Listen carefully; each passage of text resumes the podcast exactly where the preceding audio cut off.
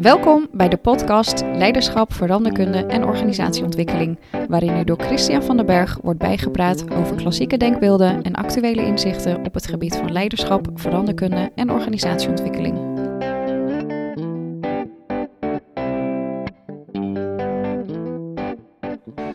Samenwerken vraagt aandacht. En nu dat samen niet altijd fysiek samen betekent, wordt dat nog eens extra benadrukt. In aflevering 24 van deze podcast sprak ik over het bouwen van een nieuw team en een nieuwe organisatie. En daarin kwam die sociale cohesie ook al aan bod. Vandaar dat ik vandaag spreek met een expert op het gebied van die sociale cohesie en schrijver van het e-book over dat onderwerp, Simone Leenders. Dus Simone, hartstikke leuk dat je vandaag bij mij eh, te gast wil zijn. Ja, dankjewel Christian voor de uitnodiging. En leuk om met elkaar in gesprek te mogen gaan over het onderwerp sociale cohesie. Ja, ja, ehm, en ik zei al, hè, ik was er laatst natuurlijk ook al uh, een beetje mee bezig. En toen zat ik te denken van, joh, dit moet ik eigenlijk eens wat verder uitdiepen. Toen liep ik tegen dat e-book van jou aan. Um, maar als ik jou nu vraag, Simone, van wat zijn nou eigenlijk de, de, de, de bouwstenen, de kenmerken van wat jij sociale cohesie noemt? Waar, waar, waar geef je onze luisteraars dan iets op mee? Ja, dat, dat, is mooi dat je zelf ook al de bouwstenen benoemt. Want sociale cohesie is natuurlijk wat, een wat abstract begrip. En ja. waar ik altijd naar streef is, is uh, abstracte dingen of wetenschappelijke dingen of, of, of lastig te, te concretiseren zaken. Proberen toch op te breken in stukjes. En als je naar sociale cohesie kijkt, dan heb ik daar maak ik eigenlijk de vergelijking met vier componentenlijm. Uh, van mm -hmm. je hebt al die componenten nodig om een, een stevig fundament te leggen in sociale cohesie. En mm -hmm. uh, om ze eens af te lopen. De eerste is saamhorigheid en identificatie. Dus om een sociaal systeem te hebben, is het belangrijk dat je je thuis voelt. Dat je hè, die saamhorigheid er is en dat je je kan identificeren met zo'n groep. Dus dat is mm -hmm. de eerste. Ja. Als je dan kijkt naar de tweede, zijn dat uh, gedeelde normen en waarden. Dus, mm -hmm. dus, is er binnen de groep een, een, een, waardebeeld, om het maar zo te zeggen, wat overeenkomt, wat matcht met elkaar. Dat, dat hecht de groep uiteindelijk aan elkaar. En de mm -hmm. normen zijn natuurlijk uh, ja, overeengekomen gedragsuitingen, processen. Um, die ook de groep bij elkaar houden. Het zijn de afspraken die, de, die, die vorm krijgen vanuit de waarden. Mm -hmm. De derde is onderling vertrouwen. En onderling vertrouwen is misschien nog wel abstracter hè, voor sommigen dan sociale cohesie. Dus onderling vertrouwen breek ik ook op in een aantal uh, elementen eigenlijk van onderling vertrouwen. Wat dus ook gaat over, um, um, nou ja, zit er, zit er genoeg herkenning en, en herhaling in bepaalde patronen en processen binnen een groep? Mm -hmm. Dat maakt dat er vertrouwen komt binnen, uh, binnen, binnen de groep. Ja. Um, Um, de laatste, de vierde, dat is interactie. En interactie gaat heel ja. erg, nou ja, dat is de makkelijkste misschien ook wel. Van als er dus geen interactie is tussen een groep die wel dezelfde waarden heeft, dezelfde beliefs en overtuigingen heeft, maar niet interacteert met elkaar, ja. ben je dus geen sociaal systeem, ben je geen organisatie, om het maar zo te noemen. Nee, er gebeurt er ook niks, wil je eigenlijk zeggen. Klopt, ja, klopt. Ja. En, en zijn die dan, wat jou betreft, zeg maar alle even noodzakelijk? Of zie jij daar ook nog wel een soort van rangorde in? Of, of kan ik dat zo niet zeggen? Um, nou, dat is een goede vraag. Ik denk dat uh, bepaalde elementen makkelijker te faciliteren zijn binnen je organisatie. Hè, want mm -hmm. ik plot sociale cohesie heel erg op, op, een, op een organisatie. Ik denk dat ja. interactie nog wel de makkelijkste is. Ook degene die we het best begrijpen. Dus het praten met elkaar, het interacteren met elkaar is, is voor iedereen redelijk goed in te vullen. Mm -hmm. um, onderling vertrouwen en uh, gedeelde normen en waarden. Als je kijkt naar een cultuur van een organisatie, zitten die wat dieper in de haarvaten, om het maar zo te noemen. Dus die zijn veel minder zichtbaar dan de uitingen van, hè, die horen rondom interactie. Mm -hmm. um, samenhorigheid en identificatie is eigenlijk ook iets wat je niet per se uitspreekt. Van, oh, ik voel me zo thuis hier. Of ik identificeer me met jou als collega of binnen de organisatie. Dus ik denk dat vooral de, um, de eigenlijk qua, qua hoe kan je hiermee omgaan. Dus hoe kan je sociale cohesie behouden en versterken. Dat is ook wat ik in mijn e-book omschrijf. Is dat interactie de makkelijkste is om te behouden en te versterken. Maar dat onderling vertrouwen en, en uh, gedeelde normen en waarden en ook die samenhorigheid, dat dat een soort van kettingreactie is op elkaar. Ja. Um, en dat ze wat, wat, wat, wat meer in het zachte spectrum liggen, als ik dat zo mag zeggen. Ja, ja. Nou ja, ik, Um, en, en, en luister, vaste luisteraars van mijn podcast, die zullen hem zeker herkennen.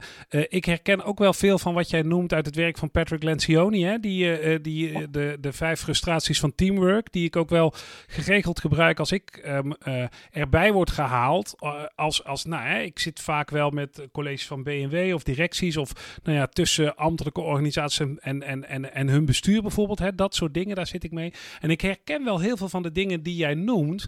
kijk, als jij zegt bijvoorbeeld, joh, als je elkaar niet vertrouwt, dan is het wel ontzettend lastig om uh, samen te werken. Terwijl um, uh, vertrouwen ook zoiets is waarvan je niet kunt zeggen: ja, vanaf nu vertrouw je mij, punt. Hè, dat, is, dat is een beetje hetzelfde als dat je opeens vraagt: ja, doe, doe eens enthousiast over deze muziek. Vind die eens leuk? Zo, zo gaat dat natuurlijk niet. Hè? Dat bedoel, um, en om, om zo'n hele platgetreden, zoiets komt ook te voet en gaat te paard, zeggen ze dan wel. Absoluut. Um, wat is dan, om die maar eens gewoon als eerste vast te pakken, hè, want ik begin er niet voor niks over. Uh, uh, wat is dan volgens jou een goede manier om aan dat onderling vertrouwen te werken? Want, want ik vind je analyse, die herken ik heel erg. Alleen ik probeer het hier eigenlijk altijd ook praktisch te maken van, joh, hoe kun je daar nou iets mee? Dus vandaar ook mijn vraag. Van, joh, als je dat onderling vertrouwen, als je nou ziet, daar, daar schort het wel. Wat, wat, wat voor dingen raad jij eigenlijk aan dan? Ja, Um, nou, om, om, te starten vanuit de, de, het perspectief waar vandaan ik het e-book heb geschreven, gaat over het behouden en het versterken. Wat dus impliceert dat er ook veranderingen uh, zijn die dus tornen aan het onderling vertrouwen. En uh, daar heb je verschillende categorieën in die ik daarbij. Dan is eigenlijk is het ook weer een opsplitsing van waar hebben we het dan over. En um, dan heb je het bijvoorbeeld over procedureel vertrouwen. Dus uh, hebben de mensen, heeft de groep mensen vertrouwen en herkenning in de procedures en de processen die er lopen. Um, dus, dus door het op te delen in kleine componenten, weer mm -hmm. uh, onderling vertrouwen, kan je dus inspringen op um, um, nou ja, wat gaan we er nou mee doen. En uh, ik denk dat het altijd belangrijk is om te starten bij een stukje monitoring. Dus in beeld brengen van wat is er nou echt specifiek veranderd en wat gaan we er, wat gaan we eraan doen? Welke interventie, om het maar zo te zeggen, heb je nodig om dus het vertrouwen wat misschien dus veranderd is of wat afgenomen is, hè, laten we daarvan ja. uitgaan, dat we dat weer herstellen. Ja. Um, heb je, eh, even als ik jou mag onderbreken, hè, uh, heb jij niet dan ook heel vaak, uh, omdat ik dat wel heb, zeg ik dan maar, dat mensen het heel lastig vinden om toe te geven dat het is afgenomen? Uh, op het moment dat je vraagt van, hè, als ik nu bijvoorbeeld, ik heb nu een situatie in mijn hoofd waarbij de relatie tussen uh, uh, zeg maar het bestuur, het college en de ambtelijke organisatie gewoon echt wel nou, op een dieptepunt is gekomen. Anders bellen ze mij ook niet, zou ik maar zeggen. Ja. Um, is nu dus de, de op het moment dat ik er naar vraag, ontkennen ze het allemaal. Dat is bijzonder, want ze ja. bellen mij om het op te lossen, maar het probleem is er niet als ik er naar vraag. Ja. Herken jij dat ook? Absoluut, absoluut. En ik denk dat dat. Uh, um, Shine heeft bijvoorbeeld heel mooi de, de, de opdeling van cultuur. Hè, met dus het zichtbare en het tastbare naar het onzichtbare. En hetgene wat je dus eigenlijk niet uitspreekt. Want dat is het mm -hmm. hele mooie wat jij net zei. Van ja, vanaf nu vertrouw jij mij. Als je dus iemand niet meer vertrouwt, heeft het vaak eh, de vertrouwensbreuk of de relatiebreuk bijna die daaraan ten grondslag zou kunnen liggen. Of dat, die dat veroorzaakt, laat ik het andersom stellen. Um, is een hele moeilijke om, om, um, uh, om denk ik, te bevestigen, om, om uit te spreken naar elkaar. Omdat mensen toch, en dat vond ik wel mooi in mijn onderzoek, ten alle tijde de neiging hebben om dat sociale systeem te vormen. Hè, als mens zijn we geen Einzelgangers, we zoeken altijd naar het, de, de verbinding met elkaar. En het is dus ook moeilijk. Het is eigenlijk ten opzichte van de natuur die we hebben. We zoeken dus in natuurlijke wijze altijd andere mensen op. En om dan opeens ja. over te gaan tot ik vertrouw jou niet meer, is best wel een heftige uitspraak. Dus ik herken dat zeker. Um, en, het, en het interessante is, en ik weet daar ook niet het antwoord op, van wat is dan de reden dat als je ernaar vraagt, dat mensen het ontkennen. Nee. Dat is daar, dan ga je denk ik heel erg de, de psychologie van de mens in, of onderzoeken, ja. of, of die komt dan naar boven. Van waarom is dit dan een onderwerp waar je dan, hè, waar je ontkennend op antwoordt, terwijl je het allemaal voelt. En ik denk dat dat met sociale cohesie, dus als we bijvoorbeeld terugdenken aan de, aan de coronatijdperk, uh, daar zag je dat we heel veel eigenlijk als vanzelf ontstaande acties hadden die de sociale cohesie versterken. Omdat we merkten, hé, hey, wacht ja. even, dit, ons sociale systeem wordt door de afstand die we moeten houden uit elkaar gereten, om het maar zo te zeggen. Hè? De sociale ja. erosie. Ja, Ehm, wat je daar zag is dat er vanzelf uitingen kwamen die, die mensen uh, belangrijk vonden. Hè? Het klappen voor de zorg of het praatjes maken of mensen überhaupt weer aanspreken als je ze tegenkwam. Hè? In plaats van dat je met z'n allen in de telefoon uh, gefocust zit. Ja, zeker wat ik er zelf ook wel uithaal, is dat ik steeds uh, probeer helder te maken dat uh, omdat het inderdaad te paard gaat en, en te voet uh, terugkomt, hè, um, um, is het wel heel belangrijk. Je, dat kun je constateren en daarna een beetje ja, wat sombertjes voor je uitstaren van ja, het gaat zo snel, komt zo langzaam. Of, en dat vind ik vaak een vele, veel effectievere die ik ook wel gebruik, is ook weer kleine succeservaringen organiseren. Ja. Um, hè, vertrouwen ook weer op heel, dat, dat kun je gewoon echt zien simuleren, maar je kunt het ook uh, hè, door, door nou ja, werkvormen en zo, maar je kunt het ook in de werkpraktijk gewoon zorgen van, joh, um, we spreken iets af en dan uh, maken we het ook waar. En we markeren het. Want daarmee maak je dat tempo van komen wel een stukje groter dan dat het, dat het was. Leiderschap, veranderkunde en organisatieontwikkeling met Christian van der Berg. Oké, okay, um, ehm, misschien even genoeg ook dan nu over dat onderling vertrouwen. Omdat ik ook wel benieuwd ben naar de connectie die je dan weer kunt maken met een andere die jij noemde. Want je had het over de gedeelde uh, normen en waarden.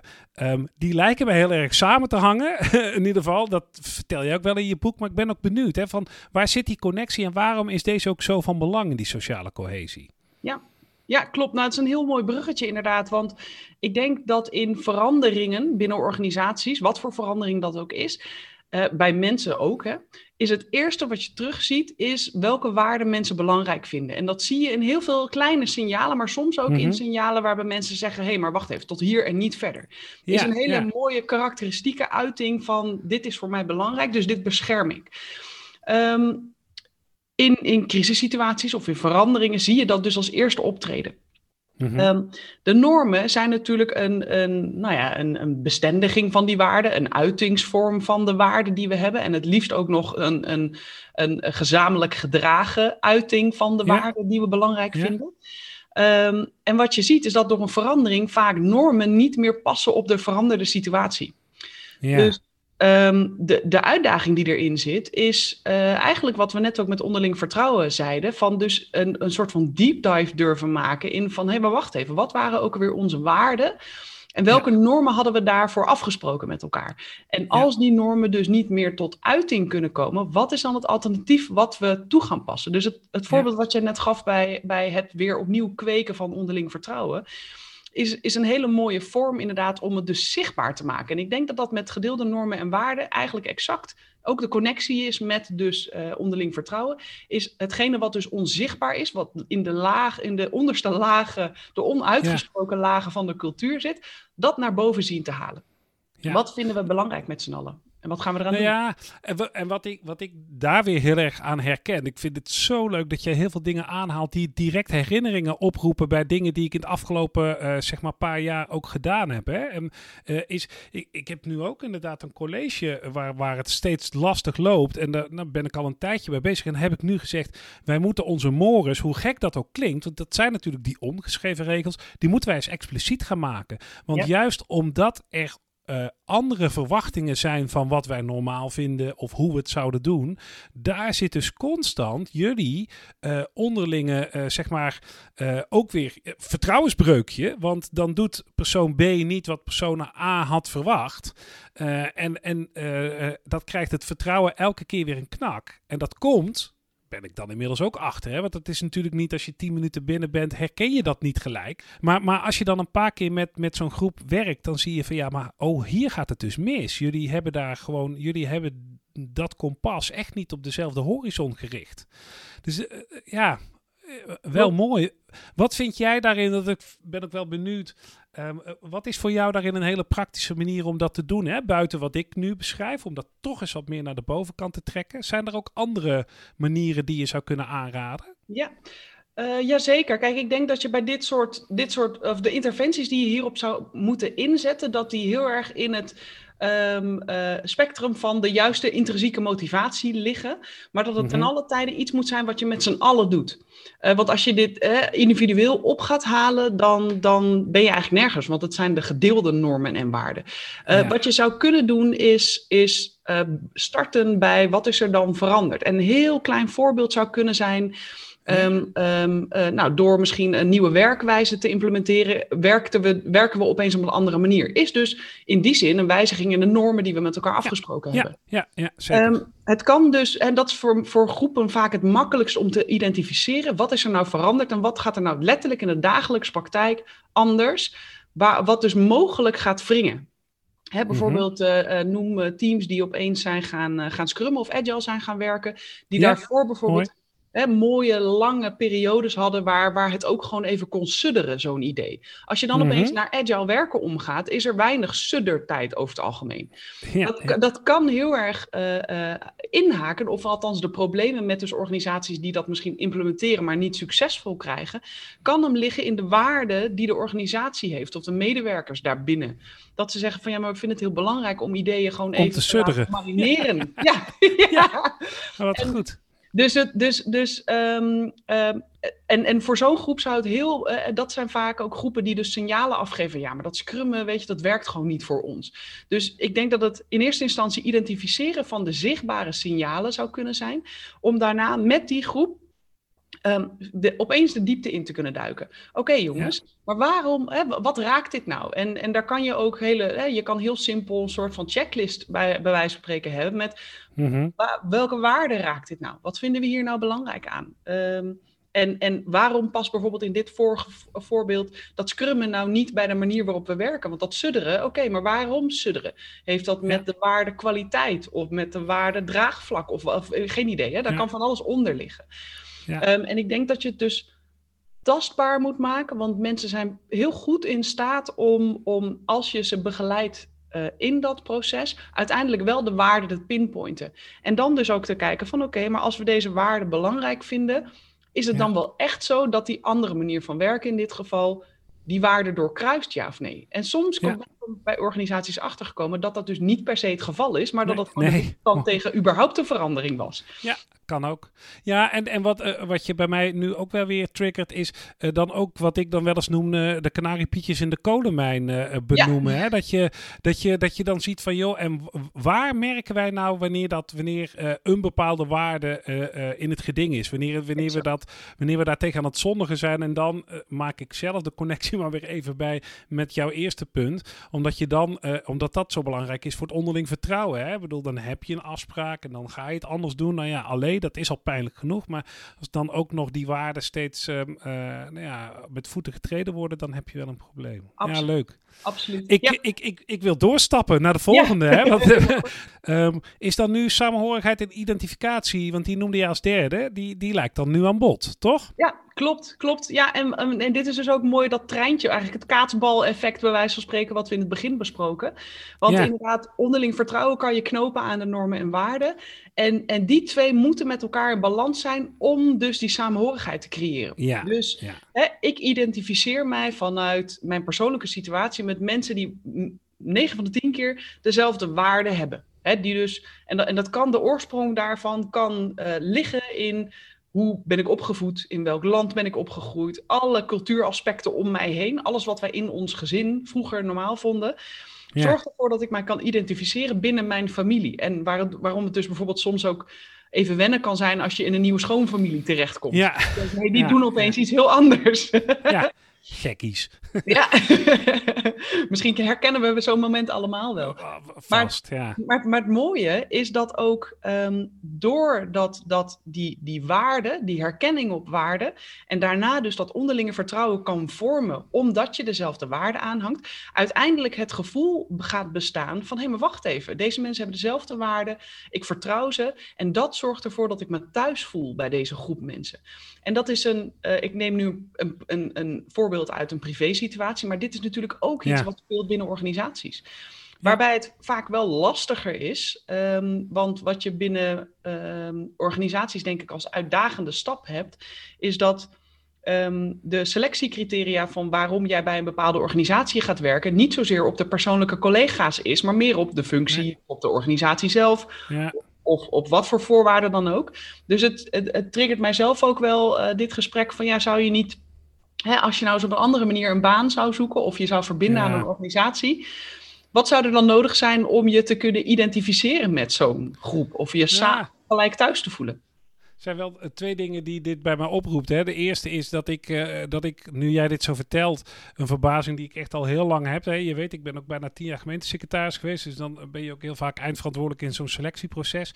En dan had je vaak een selectiecommissie en een adviescommissie. En in de adviescommissie zaten dan de collega's.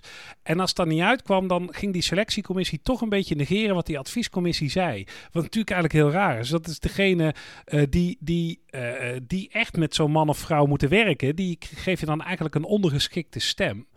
Um, terwijl ik ook snap, het gaat natuurlijk wel, is iemand, eh, als iemand echt niet fit voor de job is, maar dan, dan uh, ja, dat zou natuurlijk heel raar zijn als collega's denken, uh, ik kan hier prima mee werken. Ja, eigenlijk kan hij of zij het niet, maar het lijkt me wel een hele aardige man of vrouw. Dat is natuurlijk, dan zegt zo'n adviescommissie toch ook geen ja, dus dat zegt wel iets. Klopt. Het tweede waar ik aan moet denken, en dat vind ik echt fascinerend, bij het bureau waar ik zelf werk, Wagenaar Hoes, daar doen wij altijd een poging om nieuwe collega's met iedereen even kennis te laten maken. En dat lukt natuurlijk gewoon niet altijd. Ik bedoel, agenda's zijn soms zo druk dat dat niet altijd lukt. Maar ik, zit, uh, uh, ik vind dat zo waardevol. Want uh, het heeft mijzelf, toen ik deze overstap maakte, ook echt een inzicht gegeven. Oh ja, dit, dit, bij deze mensen ga ik me thuis voelen. Hè? En dan waren er altijd wel één of twee van je dacht, nou, dat weet ik nog niet. Nee. dat kan, maar, maar die connectie maken heeft dus echt gewerkt. Dus het, Absoluut. Ja, Absoluut. En het, en het mooie in, in, in een organisatiecultuur is ook, elk persoon draagt in zo'n organisatie bij aan de cultuur. Ja. Waar, precies wat jij nu net zelf zegt, van nou, bepaalde personen, je weet het eigenlijk vrij snel hè, als mens. Van sommige mensen ga ik het sowieso goed mee vinden en ga ik heel goed mee kunnen werken. En andere liggen misschien wat verder van me af. En, en als, ik heb dat gewoon voor mezelf ook eens geanalyseerd van waarom, waarom gebeurt dat? Want ik heb dat zelf ook. Hè. We hebben allemaal gelukkig die kracht om dat vrij snel door te hebben. En voor mij kon ik hem dus elke keer relateren aan, ja, dat ligt dus of in dat stukje waarde, gewoon in hoe iemand werkt. Hè? Dus de waarden en normen zijn, zijn iets wat dus, dat is dus onuitgesproken, want je kan er heel moeilijk de vinger op leggen van waarom deze persoon dan niet en die ander wel, die dezelfde rol zouden kunnen hebben.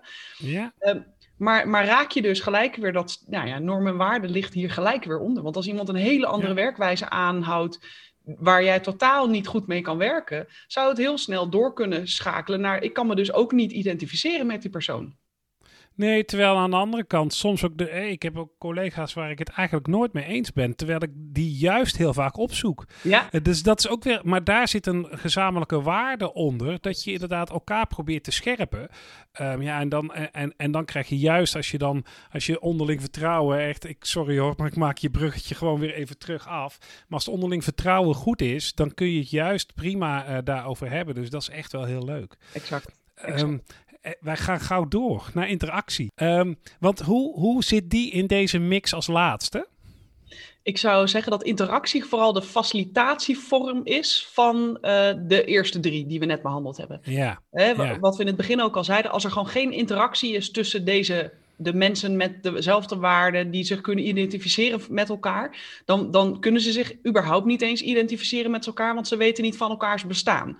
Dus, dus interactie is in die zin de brug of, of, of het middel wat ervoor zorgt dat die drie grote eilanden bij elkaar blijven en, en ook kunnen doorontwikkelen met elkaar. Want, want interactie is niet zozeer alleen maar de, de, ja, de, de rechtlijnige, we zijn in contact met elkaar, maar ook de manier waarop de interactie plaatsvindt is ook belangrijk. Dus die, is die aandachtig? Ja. Hebben, hebben mensen uh, zijn ze er met hun, hun, hun volle bewustzijn eigenlijk bij als ze interacteren met elkaar? Of zitten ze een beetje te sappelen op de achtergrond en denken ze, nou dat ja. komt wel goed? Um, ja. uh, ook de hoeveelheid interactie is ook van belang. Dus als, als er veel interactie is binnen een bepaald netwerk, ja. uh, komen die andere componenten dichter op elkaar te liggen. Als er heel weinig of interactie is, Neem weer even een voorbeeld van uh, familieleden die misschien aan de andere kant van de wereld wonen, waar dus weinig interactie mee is, zullen, zullen zich ook wat verder af van zo'n sociaal systeem voelen. Ja. Is als je dat plot naar organisaties waarbij we hybride werken, ja. hoe verder de afstand is binnen dus zo'n sociaal systeem, als die interactie dat niet opvangt, op wat voor manier dan ook, raak je die andere drie, daar gaat dan de erosie plaatsvinden. Althans, daar geloof ik wel in dat, hè, dat, dat, dat, bewijst zich ook gewoon in de praktijk al jaren, eeuwenlang, dat als er geen interactie is, dat systeem dus niet bestaat. Nee. Nou, weet je wat, wat ik hier heel leuk aan vind, is het gezonde boerenverstand uh, voert hier ook bij mij echt wel de boventoon. Omdat je wel aanvoelt van, joh, zo'n voorbeeld wat jij geeft, mensen die elkaar weinig zien, ja, dan is het zo makkelijk om dingen te misinterpreteren. We weten allemaal dat een mailtje soms zoveel verkeerder kan overkomen dan een telefoontje of gewoon een face-to-face -face gesprek. Omdat je zoveel van die lagen, en ook daar een hele podcast over te maken. over hè, hoe, welke dingen wij waarnemen in interactie. En wat je allemaal mist als je niet bij elkaar zit. Maar dat voelen we ook allemaal wel aan. Hè? Ik bedoel, ja, ja, er gaat gewoon iets verloren. En ik vind het wel echt mooi dat je dat beschrijft. Van, joh, het is eigenlijk ja, zo de drager. Een beetje het spoor waarop de trein rijdt. Vertaal ik het dan maar in eigen woorden. Ja, mooi. Ja, ik vind dat, ja, dat, zeg je, dat zeg je wel mooi. Want ik, ik denk dat iedereen die dit luistert het aanvoelt. Van joh, we zijn toch sociale wezens. Precies. Want anders zou je niet schrijven over sociale cohesie. Ja, nee, klopt. Klopt. En, en het is ook iets wat, um, uh, wat, wat vaak onzichtbaar is, onuitgesproken. Het ontstaat vanzelf, of het ontstaat niet, hè, dat kan ook. Maar ehm, als je dus in een situatie zit binnen je organisatie waarbij je het gevoel hebt dat op een van die vier gebieden uh, hè, dus dingen wegvallen, is het echt wel iets om op te focussen. Wat ik denk ik ook in het begin zei van binnen organisaties is dit het meest essentiële om te hebben. Hè, ja, vakinhoudelijk moet er een heleboel gebeuren en we zijn om een bepaalde reden met een organisatie op de wereld om iets te bereiken. Als je geen sociale cohesie hebt, ga je dat doel dus in mijn opinie ook gewoon niet bereiken op de manier zoals je er uh, waarschijnlijk optimaal in zou kleuren. Nee. Geweldig. Je vertelt er mooi over. Ik, ik zit echt ook te genieten van uh, de passie die ik zeg maar tegenover me zie. Wel, het is weliswaar een scherm, dus we missen een deel. dat hebben we net geconstateerd. Maar het is echt, echt mooi hoe je, hoe je erover praat. Dus uh, je hebt me echt aan het denken gezet op sommige punten. En ik merk, ik ben ook niet uitgedacht. En ja, het is misschien ook wel juist het leuke eraan. dus, uh, nou, leuk om, leuk om te horen. En dat is ook, eigenlijk is het ook, om, om hem misschien mooi af te ronden vanuit mijn kant, is waar we het in het begin of bij de gedeelde normen en de waarden en bij, de onder, bij het onderling vertrouwen over hadden, is dus iets wat onzichtbaar is naar boven halen en zichtbaar maken en bespreekbaar maken. En dat, dat is wat ik nastreef met het, met het spreken uh, over sociale cohesie. Dus ik vind het ja. erg leuk. Dankjewel uh, dat ik uh, onderdeel mocht zijn van je podcast. En ik heb dat met veel plezier gedaan. Leuk. En, nou, mooi. Dankjewel. En ehm, wij spreken elkaar binnenkort nog wel weer een keer. Helemaal goed. Yes. Groeten. Hoi. Doei. Dankjewel voor het luisteren. Vond je dit een aansprekende podcast? Abonneer je dan en deel het met anderen. Heb je tips of suggesties? Mail dan naar christianvdberg.gmail.com of kijk op zijn LinkedIn-pagina. Graag tot de volgende keer.